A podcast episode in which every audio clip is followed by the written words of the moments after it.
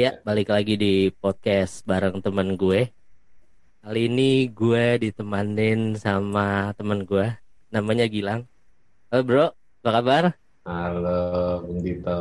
Apa kabar? Kabar baik. Alhamdulillah. Kali ini gue nggak nge-record di tempat yang sama. Gilang ada di seberang sana via Zoom. Gimana Oke. gimana bebas? Yang gue tahu kan lu nih kerja remote ya bro ya. Hmm, Lu udah berapa lama lu bro kerja remote gitu? kerja remote. Oke. Awalnya tak inget-inget ya. Gue kerja remote itu udah sekitar jalan tiga tahun Oh, sekarang. udah tiga itu. tahun. Hmm. Jadi sebelum sebelum corona melanda itu sebenarnya gue udah remote. Oh, udah. Jadi lu udah WFH duluan lah ya. Udah WFH duluan. Yang lain masih pada dasar kerusuk kantor, gue udah WFH duluan. Iya. Waktu itu tahun 2018, eh 2019 kalau nggak salah 2019. Hmm. 2019 terus waktu itu gue cabut dari salah satu perusahaan IT di Jakarta Mm-mm. itu di daerah Kebon Jeruk cuman Mhm. karena mungkin gue ngerasa gue kurang cocok Mm. Ya udah akhirnya gue gue eh, gue coba untuk mencoba relax dulu di rumah nah, Ya. gue relax dulu di rumah gue coba cari sambil santai dulu lah maksudnya nikmatin Ya. sisa-sisa gaji yang udah gue Ya, tabung benar, sebelumnya cuman satu waktu keadaan lumayan rada di luar di luar di luar Prediksi. ekspektasi nih Hmm. pada saat gue udah mulai cabut itu Hmm. nah akhirnya mau nggak mau gue coba cari kerja lagi. Akhirnya gue push lagi cari kerja. Nah kebetulan waktu itu ditawarin sama salah satu perusahaan. Sebenarnya dia base nya di Singapura. Oh gitu. gitu gue di kontak sama uh, apa sama headhunternya. Headhunter. headhunternya di, Mm-mm. headhunternya di Singapura. Nah eh, apa akhirnya gue di kontak gue ditawarin lu mau nggak kerja di uh, di perusahaan luar Hmm. gue juga agak-agak ragu kan kerja di perusahaan luar tuh maksudnya gimana ya Em, apa gue mesti stay di sono karena buat gue prinsip gue sih yang gue rasain selama ini keluar negeri itu kagak enak buat kerja bro Nah, keluar betul, negeri betul. itu keluar negeri itu cuma enak buat Liburan. Nah, betul. kalau buat kerja aduh makasih banyak dah Walaupun itu. misalnya di negara yang lu pengen datengin gitu, Iya gitu tetap tetap nggak mau lu gitu kalau buat kerja gitu. iya eh bentar ya bro nih Iya. nyokap gue asli Iya, nggak kayaknya apa-apa. ada bentar ya lu Iya. di ini Ya bang, oke balik lagi Iya, sorry lanjut. sorry banget nggak apa-apa. Ada. Lanjut. Sampai mana tadi? Oh, sampai Ya, ditawarin sama negara yang walaupun Ya. lu negara yang lu mau, tapi lu kerja di situ. Ya, ya. Ya, itu dia. Nggak banget lah. Maksudnya gue gua, gua bukan orang yang percaya kerja di luar negeri itu enak. Jadi gue pikir itu sudah paling enak lah buat nyari duit. Nah, gitu. Ya, maksudnya nyari duit eh, untuk secara area, gue pikir hidup di Indonesia itu lebih enak dibanding Hmm. di luar. Gitu. Makanya gue agak ragu juga waktu itu. Nah, tiba-tiba ada opsi untuk lu bisa kerja remote. Remote gimana? Gue pikir. Ya, lu bisa kerja remote. Lu nggak harus ke kantor, lu cuma stay di rumah. Hmm. Nah, gue pikir menarik nih. Oh ya udah, Eh, akhirnya gue gue jabanin aja tuh, gue jabanin, gue ikutin, prosedurnya gue interview sama orang sama bos-bosnya. Hmm. Tuh waktu Nah, interview, diterima tuh. hmm. Hmm. waktu interview tuh lu udah interview remote gitu atau di interview remote, Oh. interview remote gitu. Dan kebetulan ini juga salah satu perusahaan yang memang eh, dia operasionalnya nggak cuman di satu negara doang, tapi di seluruh Gitu. dunia gitu. Dalam artian Hmm. uh, pegawainya juga banyak di beberapa negara. Oh gitu. Karena gue inget waktu pertama gue remote itu, eh gue interview itu pertama yang interview gue itu orang orang Hong Kong, dia atasan gue langsung. Hmm. Terus untuk step berikutnya gue diinterview dari Prancis. Terus terakhir gue di terakhir gue diinterview dari eh, bahkan diinterview dari Chile. Jauh juga. Makanya gue pikir ini perusahaan apaan ya? Kayaknya bakal jalan nih. Ya udah, akhirnya gue coba karena waktu itu kebetulan situasi lagi kepepet akhirnya gue pikir ya udahlah Hmm. uh, antem aja terus ada Iya. satu pertimbangan lain juga kan yang gue pikir ini kira-kira pajak gimana ya kata Oh, mereka iya. pajak atur aja lah kita nggak diatur oh ya udah di situ ya akhirnya mulailah masuk di situ mulai Hmm. masuk di situ gitu Nah. Tapi sebelum di sini lu udah remote belum belum pernah ya belum pernah kerja remote. belum Sebelumnya pernah. tetap kerja kantoran kayak biasa aja Tetap gitu ya. kerja kantoran tetap kantor kayak biasa gitu Hmm. kecuali paling biasanya kan kerjaan freelance freelance freelance Hmm. dari luar sih lumayan sering gue kerjain gitu cuman Hmm. kalau untuk uh, posisi full time Hmm. uh, nggak pernah nggak pernah Oh, baru sekarang baru sekarang ini akhirnya ya udahlah gue gue putusin untuk ya udahlah kita coba join aja join aja nah di situlah gue mulai akhirnya kita stay di rumah Oh, gitu. akhirnya gue gue harus kerja remote dan stay di rumah gitu Hmm. itu cerita awalnya toh. Awal. Nah, itu tuh sekitar bulan Oktober 2020 18 tadi lu bilang. 2021 2019 kalau eh 2019 ya. 2019. 19 20 21 20. Ya, 2019 Hmm. Oktober. Iya Hmm. beneran sebelum pandemi tuh ya, sebelum orang-orang pada WFA tuh udah Sebelum pandemi, sebelum pandemi. Nah, akhirnya kan gue tanya juga kira-kira memang ada ada tuntutan gue mesti ke luar negeri apa kagak? nah ya. ah enggak nggak perlu katanya oh ya udah nah akhirnya di situ gue join gue coba provisi gue masuk provisi tiga bulan dan gue tanya sama orang-orang yang kerja di sana juga. Iya. eh, yang udah kerja lama di sana itu mereka bilang enggak kok nggak pernah kita gitu. Paling sekali doang waktu Gitu. itu cuma ura-ura doang udah selesai balik. Oh ya udah gitu. Nah selesai lah. Akhirnya gue tes provisi gue pikir aman lah. Hmm. nah akhirnya berjalan lah tuh gue mulai join di situ Iya. gue mulai join di situ eh, kita mulai kerja awal-awalnya emang lumayan eh, ribet banget lah Iya, Banyak karena lu nggak biasa kan ya. nggak biasa nggak biasa gitu gue harus nyesuaiin ini itu ini itu plus yang paling impact paling besar sebenarnya kalau buat seseorang yang tadinya lu kerja kantoran terus kerja remote Iya. itu impact paling besarnya yang paling gue rasain adalah pertama lu harus siap-siap lu bakal kuper Nah, lu iya. bakal kuper bro. lu bakal di rumah terus karena nggak berinteraksi ya, nggak berinteraksi Iya. sama orang gitu kan. sama itu terus kedua lu berpikir kan kerja remote itu eh, keren lah Iya, lu iya. bisa nongkrong di kafe Iya, iya. lu bisa nongkrong di mana kan kerja di Hmm. mana aja gitu tapi yang gue rasain secara secara personal yang gue rasain begitu Hmm. gue kerja remote Hmm. eh, begitu gue kerja remote gue mulai kayaknya sebulan cuma kehitung sekali gue di kafe karena karena apa anjir lu mager banget bro lu kalau di rumah anjir gue males banget keluar gitu Oke, ekspektasinya tuh wah, remote lu bakal stay di coffee shop atau di mall iya. gitu ya. Iya. Ternyata enggak juga ya. Lalu setelah lu merasakan ah enakan di rumah dan makin lama lu makin kupal, lu makin Hmm. mager di rumah. Lu makin mager Iya. dan siap-siapnya lu dikatain ngepet apa tetangga tetangga lu gitu aja. Oh iya, karena lu nggak keluar rumah ya. Tiap hari mereka lewat depan rumah Heeh. kantor terus lihat gue cuma di rumah celana pendek kan. Tapi kalau di Tapi punya duit gitu ya. Iya, tapi punya duit. Terus secara psikologis juga paling nongkrong di kampus segala macam. Cuman begitu udah kejadian kejadian, anjir gue males banget ke mana-mana. Gue stay di rumah, gue enakan di rumah gitu. Gitu. Iya Nah. sih. Itu sih.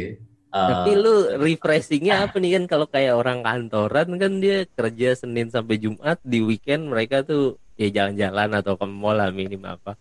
Yang buat Ah. yang remote-remote ini nih ininya apa nih apa? Katarsisnya nih. awalnya sih gini, gue masih sebulan dua bulan pertama, uh, gue masih cabut keluar jalan-jalan sama keluar, Hmm. Keluarga anak-anak gitu sama Hmm. bini itu itu selalu weekend. Begitu.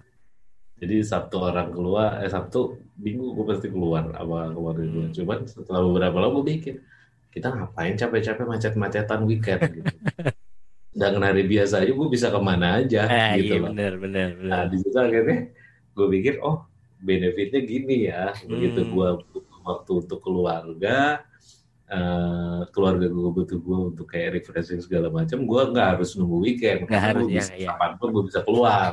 Hmm. gitu. Dan Pertama lebih itu sepi juga kan biasanya kalau mall. Lebih sepi juga. Lebih sepi juga. Jadi kalau weekend orang-orang pada ke mana kita dokem Ya. aja di rumah gitu. Gitu sih. Benefit utama itu. Terus kedua ya waktu lu buat keluarga lebih banyak gitu. Iya sih. Tuh, karena buat gue personal eh, ya selama ini gue rasa eh, kualitas waktu gue sama keluarga sih kurang ya gitu jadi Hmm. untuk kerja remote ya eh, hikmahnya adalah gue bisa lebih banyak spending waktu sama keluarga walaupun pada kenyataannya ya Hmm. yang namanya kerja di rumah itu bro apalagi udah punya anak udah punya anak gitu sama kalau gue secara secara konkret anak gue itu dua cowok gitu. Ya, ibaratnya lu kayak kerja digangguin monyet aja gitu. Racak rucuk racak rucuk wah ampun. Banyak ininya ya distraksinya ya. parah parah gitu gitu Iya kan akhirnya yang kemarin tuh orang-orang yang awal-awal pandemi kan ketika orang pada WFA kan ya banyak juga tuh. Termasuk gua sih, gue juga termasuk orang yang walaupun sebelumnya gue juga pernah kerja remote tapi emang gue ngerasain WFA anjir jam kerja jadi nggak terbatas gitu kan maksudnya. Nah, Tuh itu dia. kapan-kapan pun bisa diinterupsi gitu. hmm. Di lu juga Sebelum kayak gitu tuh kejadian. ada cerita kalau gue sih ini Hmm. ada yang gua yang gue alamin personal nih Hmm. agak-agak lucu sih Ya, sebenarnya. boleh, boleh. gitu jadi gini begitu gue mulai kerja remote ya Hmm. namanya lu kan pasti jadi di rumah mulu kuper lah Iya, betul. jadi lu butuh kegiatan bro Yoi. gitu. Makanya gue mencoba menggedor lagi hobi-hobi gue yang dulu, Wih, apaan tuh? hobi akuarium, Oh. hobi sepeda, hobi segala macam. Bahkan hobi sampai gue hobi benerin rumah gitu. Jadi Ya. hobi benerin rumah. iya, kalau setiap ada apa-apa di yang masalah di rumah gue yang benerin, gue Hmm. gak akan manggil tukang langsung. Gitu. Kerjain Kalau sendiri. gue antem sendiri gitu.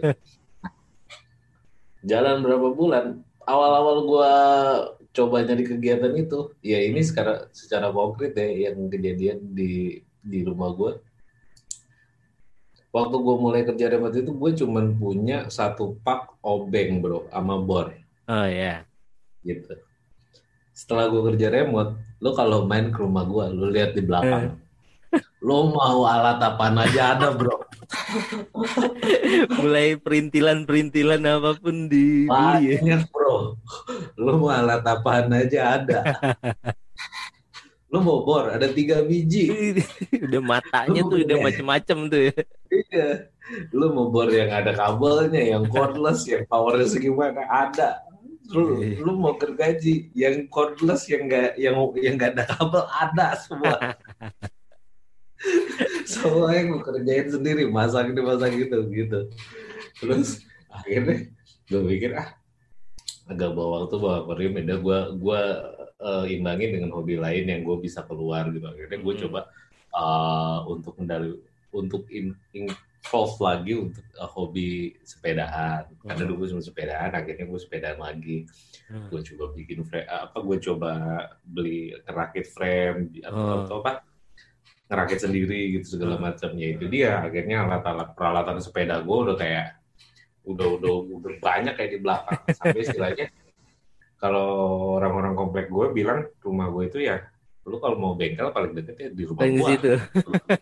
karena udah paling lengkap mau spare partnya mau alatnya semuanya udah ada di belakang gitu Jadi nggak usah jauh-jauh ya, langsung aja udah kalau ke jauh tempatnya. gitu lu mau pinjam kunci apa pun ada di rumah gue Iya, apalagi kemarin pandemi kan emang sepeda tuh sebelum yang PPKM itu kan lagi rame banget kan ya. Yang terakhir gue juga kalau ketemu sama lu juga kan lu lagi ini banget tuh, lagi main sepeda itu banget. sesuai. itu pandemi suwe banget itu Ya. anjir gara-gara ya maksudnya gue udah mulai main udah mulai main sepeda ini kan udah lama terus gue mulai Ah. lagi tuh setahun sebelum pandemi lah ibaratnya gue udah Ah, ah. mulai tidur lagi tuh main sepeda Nah, begitu pandemi orang-orang pada orang-orang pada Main. buru main sepeda Heeh. pikir anjing gue ngeliat harga spare part yang tadinya cuma segini anjing harganya jadi kayak tai buset cuman di situ kesempatan gue jual lagi barang-barang gue Oh gitu. oh, gila loh gila loh harganya Iya, iya, langsung naik banget ya. tukang sepeda kayak tukang kerupuk Nyayur dia langsung ya. Gitu akhirnya ya udahlah gue di situ boleh sedikit jual beli jual beli spare part spare part gue jual gue beli Hmm. lagi jual beli lagi gitu ya eh, akhirnya ya itulah salah satu kegiatan gue yang memang rutin gue lakuin gitu maksudnya sebagai hobi gue di rumah gitu Iya. loh Biar nggak Nah. kerja-kerja mulu gitu ya. iya bro stres gitu oh, gitu terus ya balik lagi kerja remote tadi ya sebenarnya ada cerita lain juga maksudnya cerita lucunya adalah ya lu begitu kerja remote itu anjir lu di rumah itu kuper nggak ada kegiatan kagak bisa ketemu temen-temen lu ah ini loh Walaupun gitu. waktu belum pandemi itu, Bro. Waktu masih Waktu yang belum waktu belum pandemi bro sama Jadi- aja gitu. Sus- Susah buat keluar gitu. Mau keluar mager ya keluar sih beberapa Ya. cuman cuman momentum doang kalau lagi nggak mood di rumah udah gua keluar gitu Hmm. dan mungkin kalau misalnya internet lagi disconnect ya gue baru keluar gitu loh.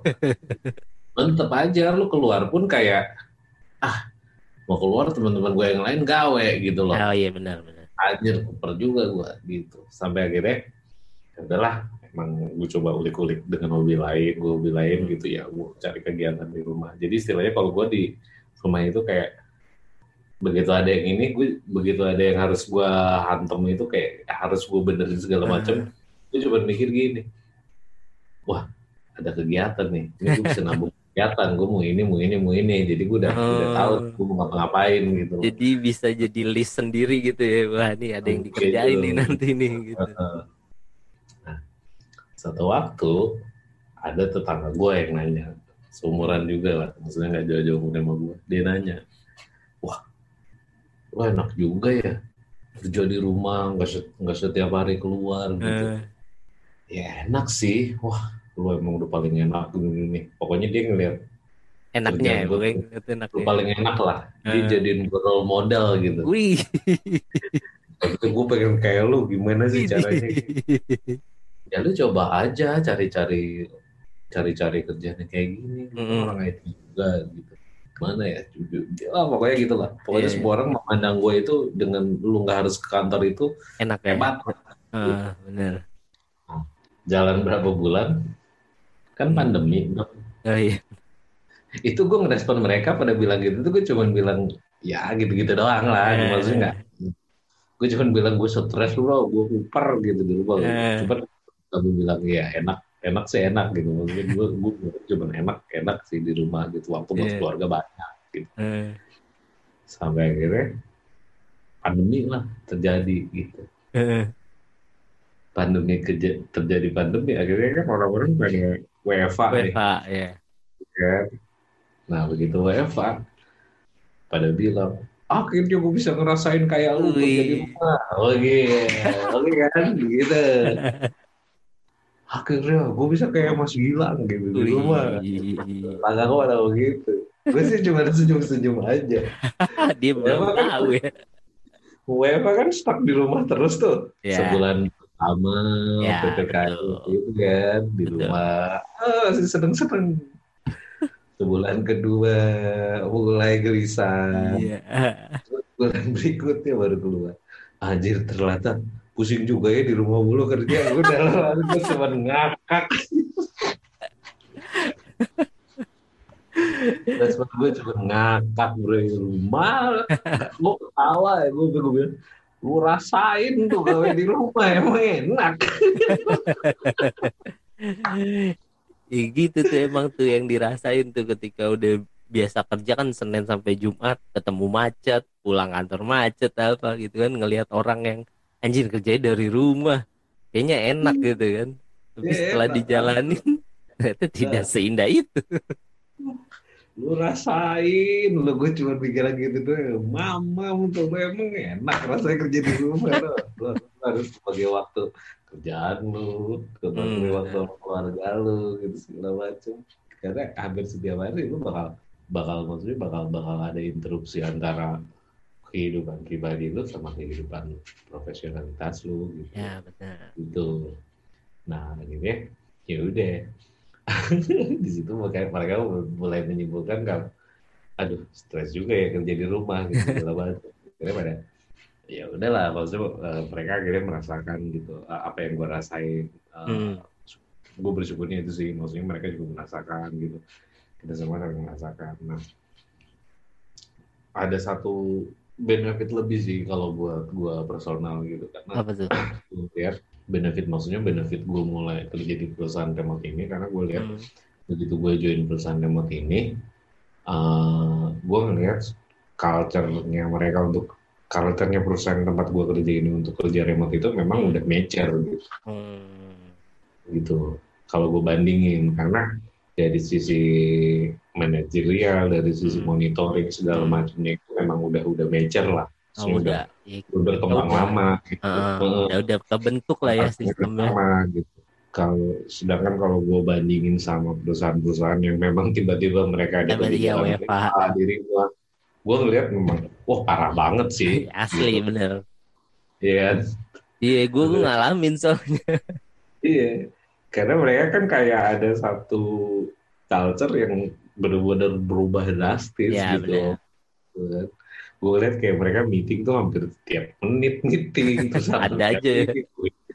Di situ, di situ gue ngeliatnya buset deh, capek banget sih kalau kayak gitu mah. Nah. Bener. dan miskomnya tuh lumayan banyak tuh kalau WFA Hmm. gue yang ngerasain ya gue kan nggak tahu ya kalau di perusahaan lu kan lu bilang tadi udah sistemnya udah oke gitu di tempat gue Hmm. tuh kadang gitu apalagi kan harus bergesekan dengan beberapa divisi gitu jadi kadang Hmm. ya ada aja gitu yang miss yang ya tetap harus nelpon tetap harus kadang bahkan jadi kita ketemuan deh gitu di mana gitu Nah, biar iya, iya. biar Jadi- akhirnya lurus gitu. Karena by WA atau by Zoom gitu kadang juga suka nggak ketemu gitu. Jadi ya makanya. Gue ngebandingin nih gitu maksudnya ya gue pikir benefit gue itu ya alhamdulillah begitu kejadian eh, kita harus WFA gitu atau Hmm. bahkan mungkin kalau perusahaan gue ada kebijakan untuk WFA itu ya mungkin eh, gue ngelihat ya culture dari perusahaan gue udah udah, Udah- lumayan udah matching kebentuk lah ya situasi kerja remote ini Hmm. jadi kalau gue bandingin sama perusahaan lain yang tiba-tiba WFA pegawainya di rumah semua, anjir untung gue udah udah nyemplung di dunia ginian duluan. Kalau agak stres juga gue Iya gitu. bener adaptasi lagi Karena akhirnya berapa kali gue sharing session sama mereka yang gue gue kasih tahu aja kalau di kantor gue Hmm. tuh begini begini gitu. Hmm. Eh, untuk koordinasi kita setiap hari begini-begini Hmm. ada mandatory hour-nya jadi nggak harus setiap lima menit lo harus meet segala macam.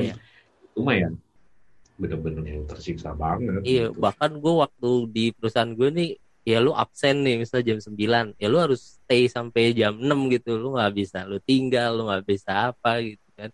Walaupun Hmm. beberapa hari berikutnya ya mengendur gitu kan. Bahkan sekarang udah nggak absen gitu ketika Jadi ya, WFH. ya itu dia gue lihat tuh kayak aja lu hari dari jam 7 sampai jam 5 kagak bisa ke mana-mana di rumah Iya. Maksudnya kayak aduh banyak loh yang bisa lo manfaatin karena apa karena Iya. secara mindset kalau lu setiap hari kayak gitu di rumah wah lumayan stres juga bro malah nggak stres banget. Dan kata lu gitu loh. Iya, dan kata lu lu kerja remote itu eh, makin makin apa maksudnya dengan dengan metode yang lo harus kerja kayak kerja kantoran gitu jam kerjanya segala macem ya kelar hidup lo Iya. gitu. hanya karena banyak. gini mau banding gini yang namanya kerja remote itu kan ada time trackernya Om. Hmm, karena lo sehari berapa jam kerja sih 8 lah. 8 8 jam Hmm, 8 jam hmm, kalau lu ngantor ya hmm. lu nyampe kantor ngapain sih paling ngahi dulu Iya, temen kan tuh biasanya kan habis absen tuh ya cari sarapan dulu. dari sarapan kan Terus ngobrol-ngobrol siang? lah. Iya. jam makan siang lu turun Turun, cari makan lagi. Saat, kan, naik Iya. paling naik lagi jam satu kan habis Iya, sholat jam makan jam, jam satu terus jam empat juga udah mulai Ya biasa asar dulu. tuh asar tuh udah eh gua asar dulu ya. Ah, tapi ya habis asar ya ngobrol lagi. Cari cemilan sore lah. ya. sekarang kalau di kalau kita hitung-hitung efektivitas lu kerja di kantor itu Hmm. paling berapa jam sih? Lima Iya sih, jam kan? Iya benar-benar. Lima jam juga udah paling efektif banget atau empat jam kalau memang eh, apa ya kita kerjanya santai gitu loh. Hmm. gitu. Cuma sesibuk-sibuknya gue nggak yakin mereka harus full 8 jam gitu depan iya iya. benar. di depan mejanya gitu. Nah Hmm. sekarang berubah kerja remote, lo ada aturan 8 jam Iya. sehari dari jam jam 7 pak jam 8 misalnya Jam 8. masuk sampai keluar jam Lima. eh, 4 Oh, kalau jam masuk empat. jam 8 keluar jam 4 Hmm. nah lo bayangin dari jam 8 sampai jam 4 Hmm. itu pasti kan ada perputaran koordinasi di mana which is lo harus stay terus kan selama Iya, 8 benar. jam itu Hmm. nah sekarang lo mau ngapain Iya, maksudnya ditinggal nggak bisa, dipantengin juga. Ya lu mau ngapain gitu kan? jadi ibaratnya lo dituntut untuk lebih lo efektif 8 jam yang tadinya lo bisa cuma 5 jam sekarang lo efektif 8 jam Lu Iya, mau sebat sebat sama siapa? Lu mau hal ini sama siapa? Iya kan? iya bener. Gitu. Paling juga lu cuma bisa buat makan siang doang keluar gitu. Iya benar. Iya itu pun cuma ya. sebentar lah makan. Nggak kalau di kantor kan ya udah makan siang ngantri atau apa itu masih ada ininya lah, masih ada seninya lah. Oh, di Iya. rumah kan ya udah lu makan pesen itu dari dia. online juga bisa gitu kan langsung. Iya. Makanya, makanya itu lah yang paling paling mendasar eh, mindset orang bisa jadi langsung kaget stres karena Hmm. eh, apa kapasitas kerja jam kerja mereka itu lebih naik gitu dengan lu Iya, kerja WFA itu dengan kerja remote gitu. Benar-benar. Tapi nih bro, gue kemarin dua minggu lalu tuh udah mulai WFO lagi udah masuk ke kantor ya. Dan Ah. emang sebelum itu gue merindukan kan ah iya ke, ke kantor deh gitu karena udah sumpah kan di WFA terus. Tapi setelah dua minggu gue ngantor lagi tuh gue merindukan WFA malah justru. karena mungkin udah ket- ketemu macet lagi, udah yang di kantor juga ya suasananya kembali kayak seperti sebelum pandemi dan lain sebagainya itu kan mungkin anjir kok gue merindukan WFA ya Oke, sekarang gue tanya gini loh. Lu Eh, WFA kantor lu di mana tuh? di radio dalam Di dalam. Sekarang gue tanya, lu begitu tiba-tiba WFA, Hmm, lu ke Point Square aja. hmm. Berasa jauh cuy.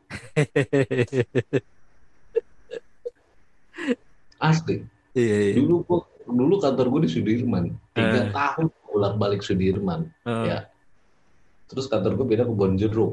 hmm, Setahun bolak-balik ke Bonjeruk. Eh. Akhirnya gue kerja remote. Begitu kerja remote. Anjir sampai Point Square aja kayak gue udah berasa main jauh banget cuy. Asli. Akhirnya begitu gue jauh-jauh, begitu gue jauh-jauh sampai Sudirman segala macem, Hmm. kayak langsung kangen rumah. Anjing gue gak Iya, berani jauh-jauh iya. lagi. jadi ya itu itu yang gue rasain di dua minggu ini setelah masuk lagi tuh anjing gue merindukan bangun siang yang cuma ngabsen dulu gitu. Iya, gitu. Kacau lu emang. tuh jadi jadi ya itu bener lu jadi kuper jadi takut main jauh Iya benar. Sementara di luar sana mungkin udah banyak banget perubahan ya kayak kemarin pas dua minggu gue masuk lagi gue juga lewat jalanan tuh anjir udah ada ini udah ada itu sementara gue kayak waktu WFA ya di rumah paling nggak jauh-jauh lah keluarnya gila ya gitu jadi flow ya gue tuh waktu waktu waktu mulai WFA terus tiba-tiba pandemi kalau gue bahkan ngerasain gini toh hmm, apa tuh gue udah hampir setahun ya kerja di Hmm. sini di sini waktu itu maksudnya udah mulai jalan setahun hmm. terus tiba-tiba kantor ngadain meeting Hmm. eh, tatap muka Widih. jadi dipilih satu tempat untuk semuanya harus datang ke situ. Oh gitu. Lu bayangin. Waktu itu akhirnya ditentuin di tadinya di eh, mana? Di Tokyo. Oh, terus akhirnya diputusin lagi di eh, Phuket Thailand. Oh Thailand. Hmm. nah lu bayangin. Gua yang udah setahun kuper di rumah ke Point Square aja gua udah Iya, ngerasa jauh. ya, jauh. lu bayangin gua tiba-tiba harus keluar negeri bro wajib sekalinya harus sekalinya gua keluar, keluar jauh banget. keluar negeri. Mending kalau Bekasi Cikarang gitu Iya, iya. tapi di Jawa ini gue sekolah negeri bro anjir gue di situ bener-bener aduh gimana ya wah begitu di bandara tuh anjing gue pengen buru-buru balik akhirnya waktu itu gue sekitar lima eh empat hari gue di sana Bentar, lu lumayan juga.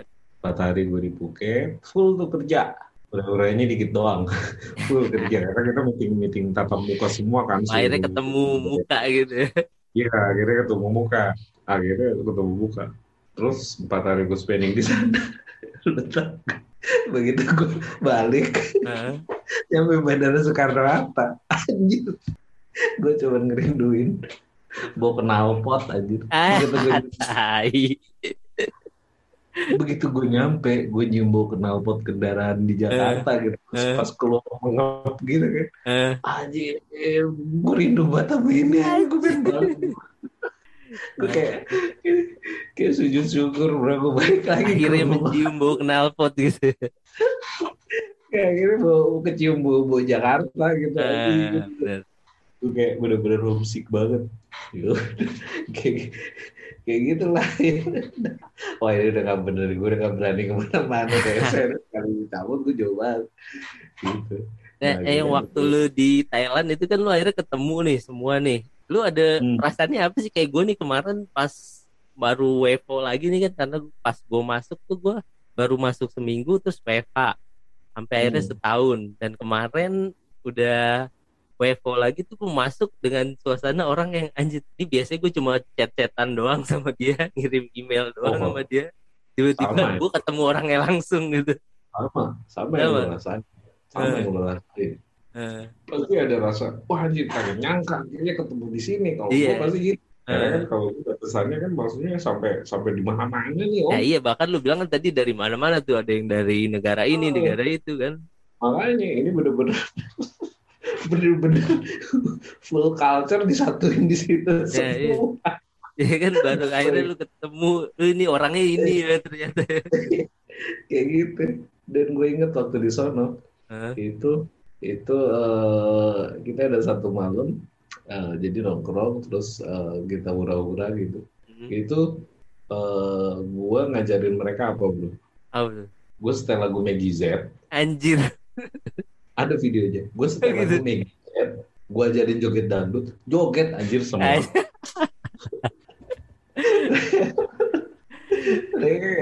antusias semua gitu Tapi emang dangdut tuh mendunia sih bro. Maksudnya semua orang kayak denger irama dangdut sih pasti joget sih. kan karena kayak lo bayangin orang-orang dari ada orang ada orang ada orang Chile ada Eh. orang ada orang Cina ada orang Korea ada orang Pakistan semuanya gue jogetin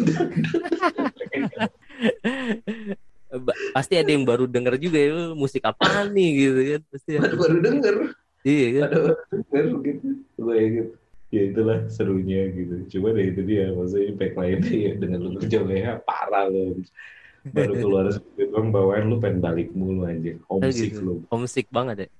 homesick bener. Nah sampai akhirnya waktu itu memang ada beberapa pergonjang ganjing di eh, kantor gua. Hmm. Terus eh, dari tim gue sendiri kan kayak tim IT-nya tuh Hmm. dari mana-mana sebelumnya. Akhirnya mereka kayaknya memang udah masa untuk eh, masa untuk cabut gitu. Mereka udah pada udah lama di sini. Akhirnya mereka cabut. Terus kebanyakan sih rata-rata ada orang orang orang Ukraina, orang Eropa, orang mana, orang Rusia gitu, Hmm. orang Prancis, orang Jepang. Mereka pada pada developernya dari sana semua orang-orangnya yang satu tim sama gua. Akhirnya mereka putusin untuk cabut dan waktu itu eh, waktu itu gua disuruh untuk nyari orang-orang baru yang bisa join di sini. Oh gitu.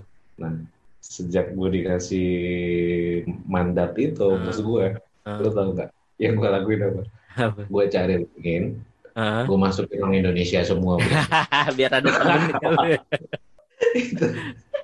gue masukin orang Indonesia semua, gitu. Eh, Masukin orang Solo, orang Iya. Jogja, orang bahkan di sini di Pamulang bukunya Ada juga. gitu lo orang mana orang Pamulang gua masuk lo lo tahu itu gua capek bro tiap hari ngomong bahasa Inggris Ya iya bener. Nah itu tuh kendala juga tuh bahasa kan. sebenarnya kalau bahasa sih eh, nggak terlalu berkendala karena Hmm. hampir tuh kerjaan gue itu kan agak teknikal jadi kan nggak Ah. terlalu banyak diskusi bahasa Inggris Jadi walaupun udah bahasa udah umum lah ya bahasa Inggrisnya Hmm, teknis. Walaupun memang, walaupun memang kadang-kadang eh, kita suka, ya maksudnya memang dituntut bahasa Inggris Iya memang pasti harus pasti. itu siapa pun yang di sini gitu.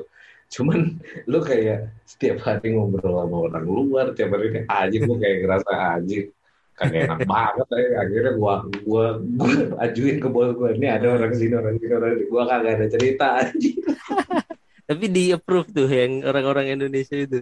bro dia bro Hmm. sekarang sekarang hampir semua tim gua orang Indonesia 15 orang lah lu ya Eh, waktu lu pertama datang tuh cuma lu doang orang Indonesia. Waktu pertama datang tuh cuma dua orang orang Oh Indonesia. gitu. Gitu.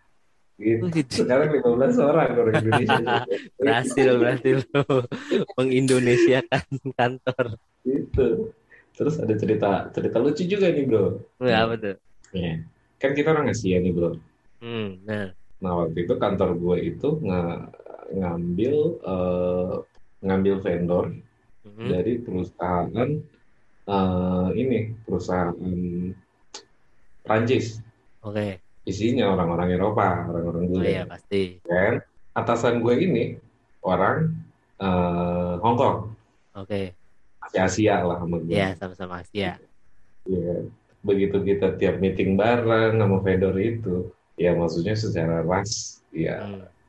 kita suka agak-agak apa agak-agak down lah kalau ketemu orang-orang berkulit putih bule-bule gitu kan Iya, iya benar. Apalagi bahasa Inggrisnya yang ngajak Iya. gitu nah termasuk atasan gue pun kayak kok manut-manut mulu ya Hmm. kasih tahu mereka gitu Hmm. gitu akhirnya satu waktu atasan gue bilang gini gue ngerasa tim gue Hmm. kayak susah buat koordinasi sama mereka nah akhirnya gue bilang Hmm. kan kita kalau secara teknikal orang orang teknikal itu biasa kerja kan ada scrum masternya yang ngatur Ah. Ngatur apa kayak project manajernya lah Oh. PM, ya. PM-nya kan Hmm. gitu kalau ini kita scrum master jadi dia yang koordinasi sama pihak lain manajemen pihak bisnis tim lain Iya, iya. atau finance segala macam. Nah, bos gue bilang, kok gue ngerasa tim kita ini agak sulit ya untuk beradaptasi sama vendor itu. Hmm. Hmm. Ya gue kan dalam hati, ah, iya iyalah gimana nggak sulit, lu manut-manut doang sama orang mentang-mentang orang bule, gitu loh. Iya. Siapa bilang apa lu manut? Iya. Akhirnya gue gua gua ajuin ke dia, Hmm. bos coba deh kita butuh PM nih, gitu. Harusnya ada satu PM yang bisa ngedelegasiin kerjanya ke kita, dan Hmm. bisa berkoordinasi sama vendor. Vendor. Bos gue bilang apa? Ya udah, lu cari aja lah gitu. Ada yang bisa nggak? Gue cari nih. Eh. Berhubung konsen gue itu bukan di PM-nya, Eh. tapi konsen gue itu adalah karena manut-manutnya itu. Lu tau nggak? Akhirnya gue cari orang Indonesia. Eh. Gue cari orang mana bro? Yang mana? Gue cari cewek, Eh. sama Eh. karena kalau cewek itu kan Ya, lumayan pas, pasti didengar lah cewek itu. Pertama. Terus kedua, gue cari pertama tadi kan gue cari cewek syaratnya. Yang kedua Hmm. gue cari dari mana? Dari Medan bro, gitu. Ya, akhirnya proses proses proses, gue ajuin, di hire lah tuh. Meeting lah kita koordinasi sama vendor luar itu. Eh. Dan gue akuin baru kali ini secara real gue lihat orang Medan itu memang begini bro. Lo Mantep ya. lo orang mana orang mana orang mana kalau kata mereka udah A gitu Eh. tunduk lo semua sama dia Bahkan orang Prancis, orang Eropa. hiper cuy semua ini gue gak salah pilih karena konsen gue waktu itu bukan skillnya tapi Hmm. udah gara-gara manut-manut bola dia mesti ada yang struggle nih Ah, Cuman yang ada bargainingnya ya yang Iya, bikin gue kalau harus nyari orang-orang dari luar Indonesia kan gue nggak tahu gitu karakternya Ya, kayak gimana. Ya gue tahu. dia orang Medan itu keras. Oh iya benar benar. Begitu dia join kagak peduli. Lo mau orang Eropa mau kulit apa kulit antem ya antem aja. Lu mau kerja sama sama gua gitu lu mesti denger gua gitu. Kagak ada tuh cerita manut-manut. Gila hebat emang ya, orang Indonesia tuh kata oh gila bro itu itu gua akuin deh. Cewek beda Hmm. wah keras. Udah gitu cewek kan dulu ah nggak bisa iya, lah. maksudnya lu mau ngelawan cewek juga kan dari ah udah susah. Teguh. Akhirnya dua bulan dia join hmm. koordinasi semua lancar. Lancar. gua setelah satu tahun di sini kerja gitu. Hmm. agak pernah tuh gue yang namanya jadi best player of the month. Kan ada di kantor gue tuh ada oh ada gitu. ini eh. Nah, dia baru dua bulan. Jadi Langsung. jadi best player of the month bro. Anjir. Dua, dua periode berturut-turut dua bulan. Anjir, best nggak ada yang bisa karena sama dia diobrak abrik semua. Masih ada sekarang orangnya. Masih masih Oh, masih. masih. masih masih. Ah gila deh.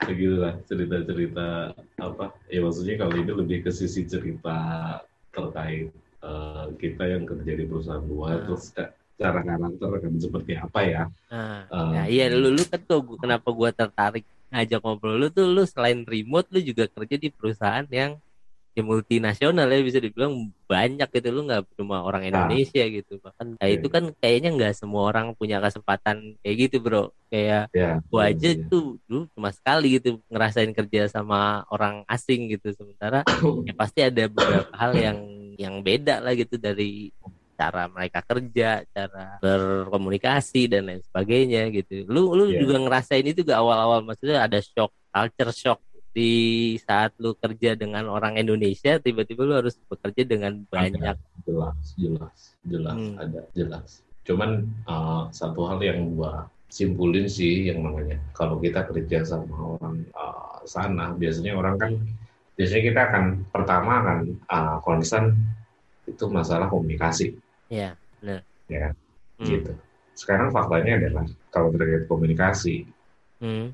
lu bakal lebih sulit berbahasa Inggris Hmm. dengan orang yang datang dari negeri lu sendiri Oh gitu. dibanding lu berbahasa Inggris dengan orang yang benar-benar native-nya bahasa Inggris. Hmm. Karena kan kebayang kan, anjir, bahasa Inggris gue jelek nih, gue harus ketemu Hmm. orang Inggris ya kan, Hmm. Hmm. gitu. Ah, jiper gue, pasti gitu kan. Hmm. Gitu. Tapi kalau gue ketemu Dito, Dito ngomongin bahasa Inggris, sama gue bahasa Inggris, Hmm. ah masih Radwani, Hmm. gitu. Tapi justru faktanya balik bro. Oh gitu. Iya. Sekarang gini, lo sama gue ngomong bahasa Inggris, Hmm. ada satu pronounce yang salah aja dari lo. Iya. Pas gue apain? Benerin. Salah toh. Ini mungkin maksud lo, Hmm. revisi ini. Hmm. Tapi kalau sama Jadi- orang luar mereka udah tahu gitu maksudnya ke arahnya ke situ gitu. Jadi konsep pembicaraan kita itu karena kita sama-sama orang yang native-nya bukan bahasa Inggris, Hmm. akan akan ada sisi untuk saling merevisi dari sisi kata-katanya. Hmm, iya, iya. Sedangkan lu kalau ngomong sama Rusono, bener-bener orang Inggris, Hmm. mereka kan paham. Ya native lu bukan bahasa Inggris. Iya, iya, iya benar-benar. Jadi silakan aja lu mau lu mau ini ini, yang penting poinnya nyampe. Nah, gitu. iya benar-benar. Nah, itu tuh bedanya sih emang kayak Itu yang gue rasain awal. Sebenarnya gue dari dulu nggak pernah nggak pernah kagok untuk nggak Berbahasa maksudnya Inggris. nggak- pernah jiper untuk hantem orang ngobrol bahasa Inggris Hmm. sama gue gitu karena Hmm. beberapa kali eh, dulu memang suka ada orang orang orang luar juga yang suka nginep di rumah gue gitu kalau Hmm. kalinya mereka datang ke rumah gue ya maksudnya untuk bahasa pun gue udah bisa nangkep gitu oh ngomong Hmm. sama orang luar tuh ternyata eh, eh, nggak sesulit yang kita bayangin gitu Iya, karena kan sementara di pendidikan kita kan kayak kita diajarin pronounce-nya, terus apanya Iya. strukturnya dan lain sebagainya kan harus bener gitu kan.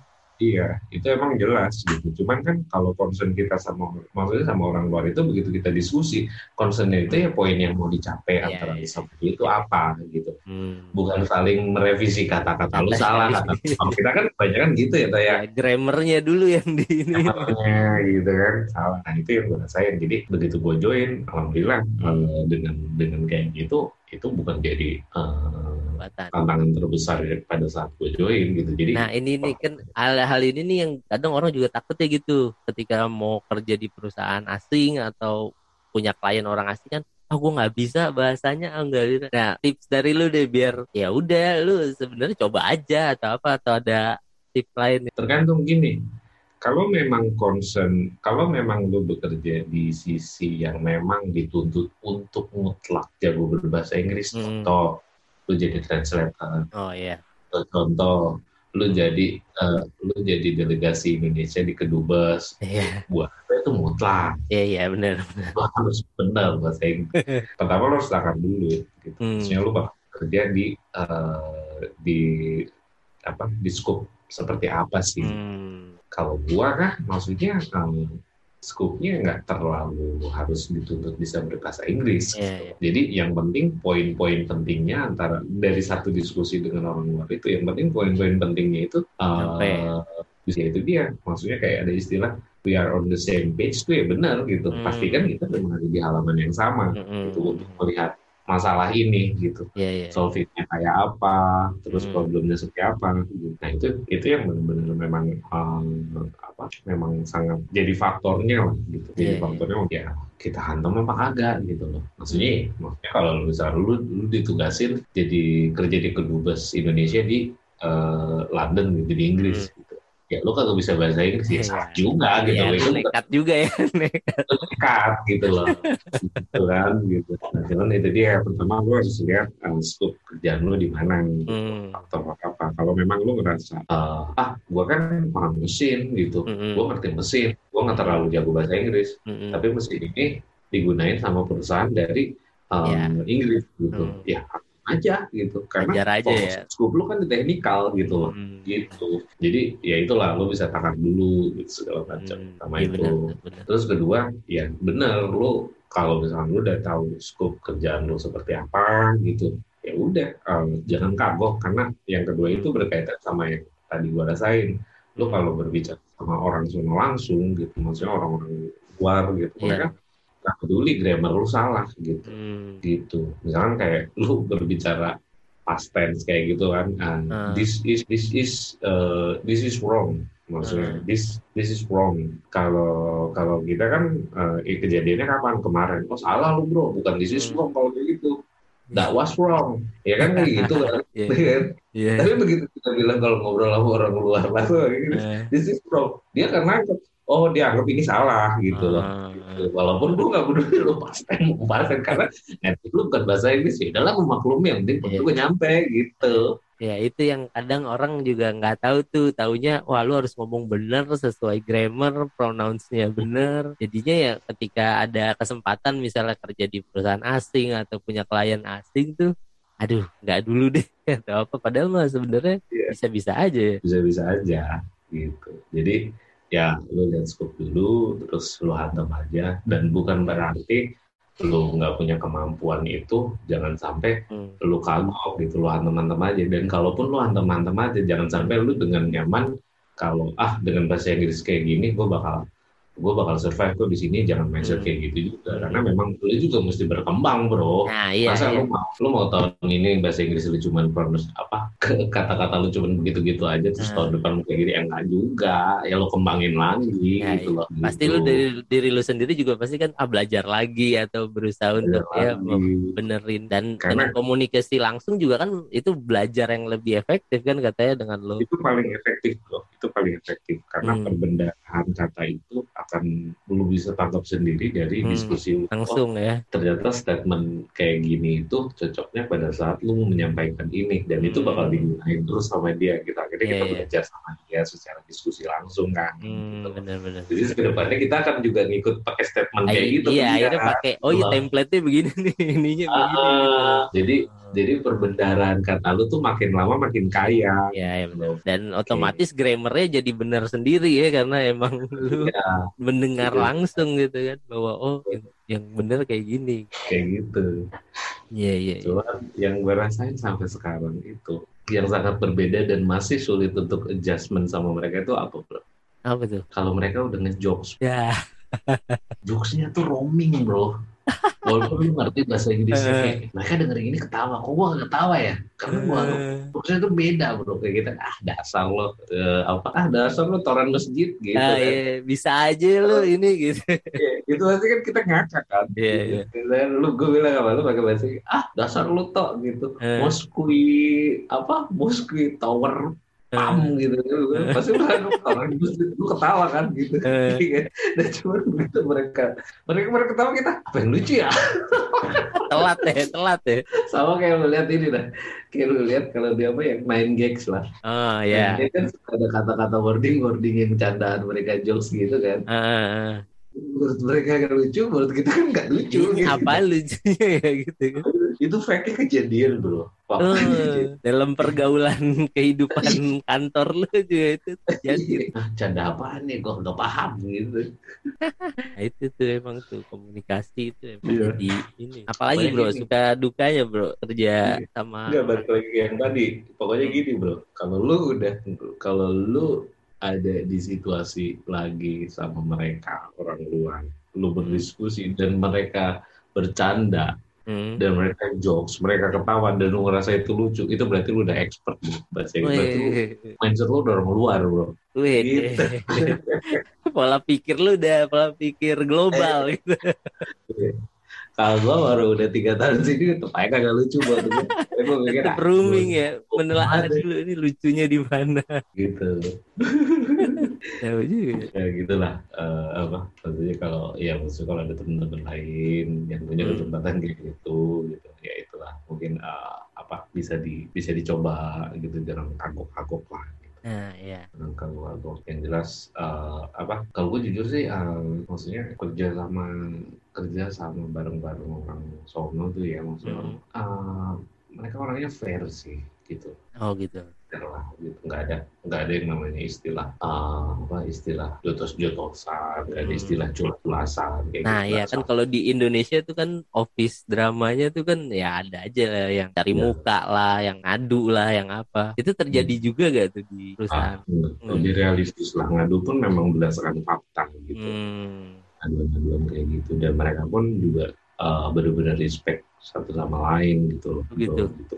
Walaupun misalnya kayak lu bilang tadi Asia dan Eropa dan lain sebagainya, nggak nggak itu tuh kalau soal kerjaan ya mereka fair gitu ya. Kalau lu benar ya lu di support gitu ketika salah ya. Iya dan kalau yang yang gue suka gini, kalaupun memang ada concern satu hal misalkan ah si Dito nih kerjanya nggak bener, hmm. gue nggak akan bilang ke yang lain. Yang lain. Dito kerja nggak bener. Hmm. Tapi yang gue rasa beberapa beberapa kondisi gue lihat atasan gue tuh yang begitu ada satu concern mereka akan tanya ke orang itu secara langsung hmm. kebutuhan lu tuh apa sih maksudnya gini gini gini lu kebutuhan lu apa sih? Lu kenapa sih kondisinya gini? Karena dari faktanya gue ngeliat kayak begini gitu. hmm. lu bisa increase lagi nggak? Segala macam. Kayak gitu. Ya itu sebenarnya memang di beberapa perusahaan kopi kita juga memang uh, kayak gitu sih. Maksudnya udah hmm. udah culture udah kayak udah objektif bagus. lah ya lebih objektif nggak ya? Objektif. Cuman kalau gue ngelihatnya memang hmm, cuman kalau gue ngelihatnya memang um, sebenarnya nggak jauh berbeda sih kalau gue buat personal dibanding perusahaan kalau perusahaan luar itu. Karena hmm uh, dari beberapa perusahaan gue tempat kerja perusahaan gue sebelumnya itu ya memang rata-rata hampir semuanya startup. Termasuk sekarang juga gue kerja di startup gitu. Jadi kan ya lu tau lah culture startup tuh kayak gimana gitu. Yeah, iya. maksudnya yeah. ya there's no time for drama lah bro gitu. Mm-hmm. kalau ada drama ah udahlah cabut aja maksudnya uh, gak usah ikut ikutan kayak gitu. Gitu terus udah sih paling kayak gitu gitu doang.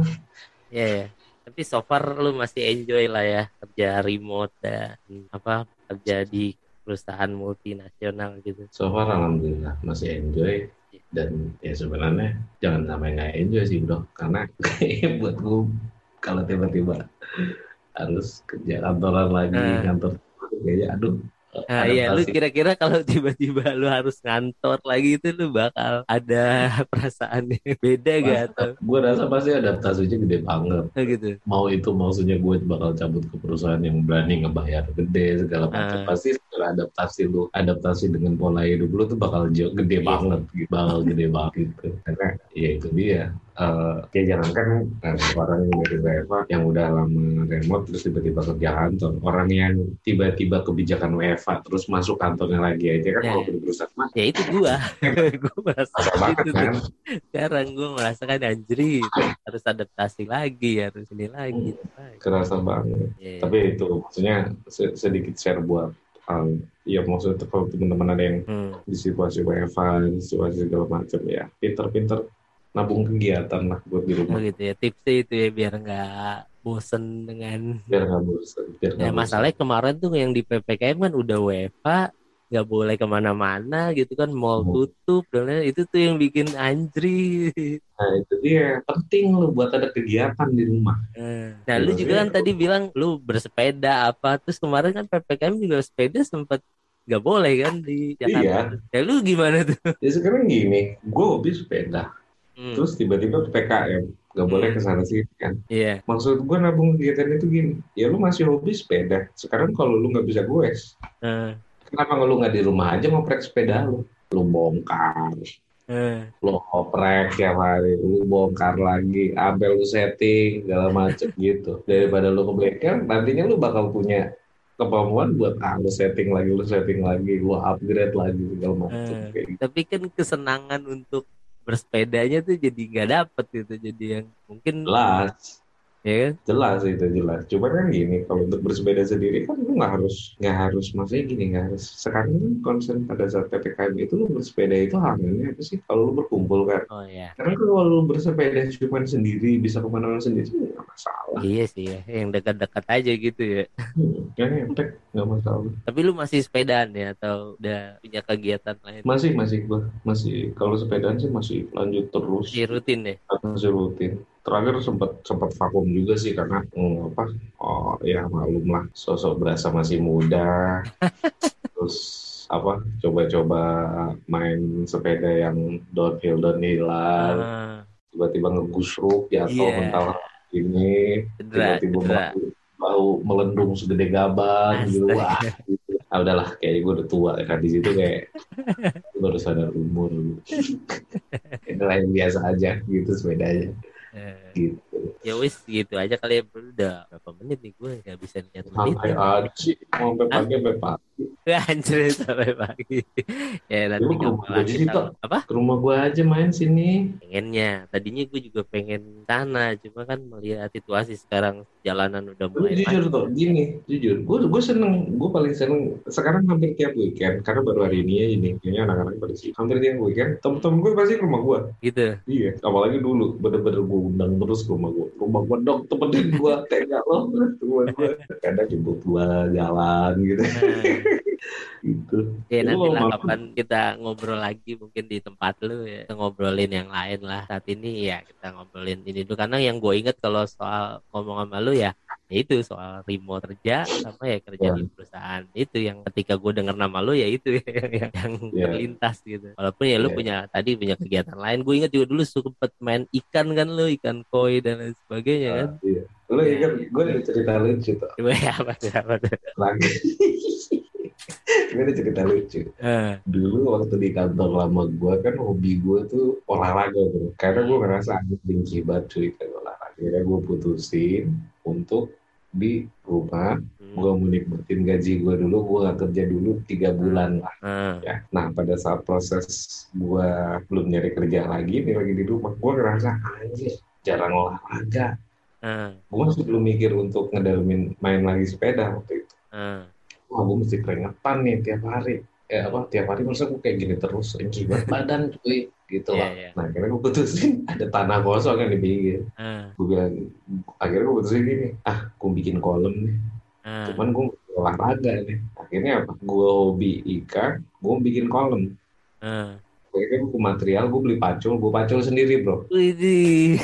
ya biar ada keringet gitu. Eh, pacul capek nih. Gue panggil tukang tukang nyapu di komplek gue buat bantuin gue bang kalau habis nyapu bantuin gue juga. Iya. Eh, pacul lah angkut tanah udah eh, hampir meter semeter lebih nih eh, pacul pacul lumayan tuh Makan siang. Pada saat lagi apa lagi macul hmm, tiba-tiba ada telepon bro. Hmm, di handphone gue ada zoom call. Eh, anak gue nyamperin ke kolom eh, ke tempat gue macul dia bilang papa ada telepon. Eh. begitu gue lihat anjing gue lupa kalau ini jadwal interview. Ya, gitu. akhirnya itu interview gue angkat pada saat pada saat lagi macul bro. Aja eh backgroundnya lagi di kebun. kagak backgroundnya di kolom bro Oh, di kolom.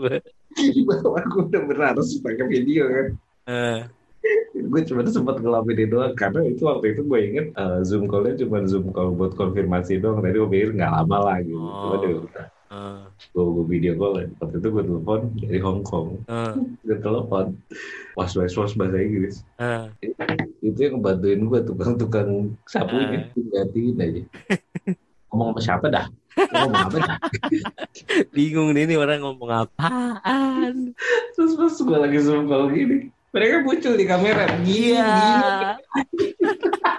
In frame dan itu keputusan gue diterima bro. Keputusan diterima terus dibilang kongres itu gue seneng banget itu gue udah gak peduli aja gue mau di lagi yang penting diterima ya. Mau di kolom di kolom deh lu. Di kolom di kolom. Gue lagi nguli itu emang rezeki berarti lu Oh, di mana juga emang rezekinya.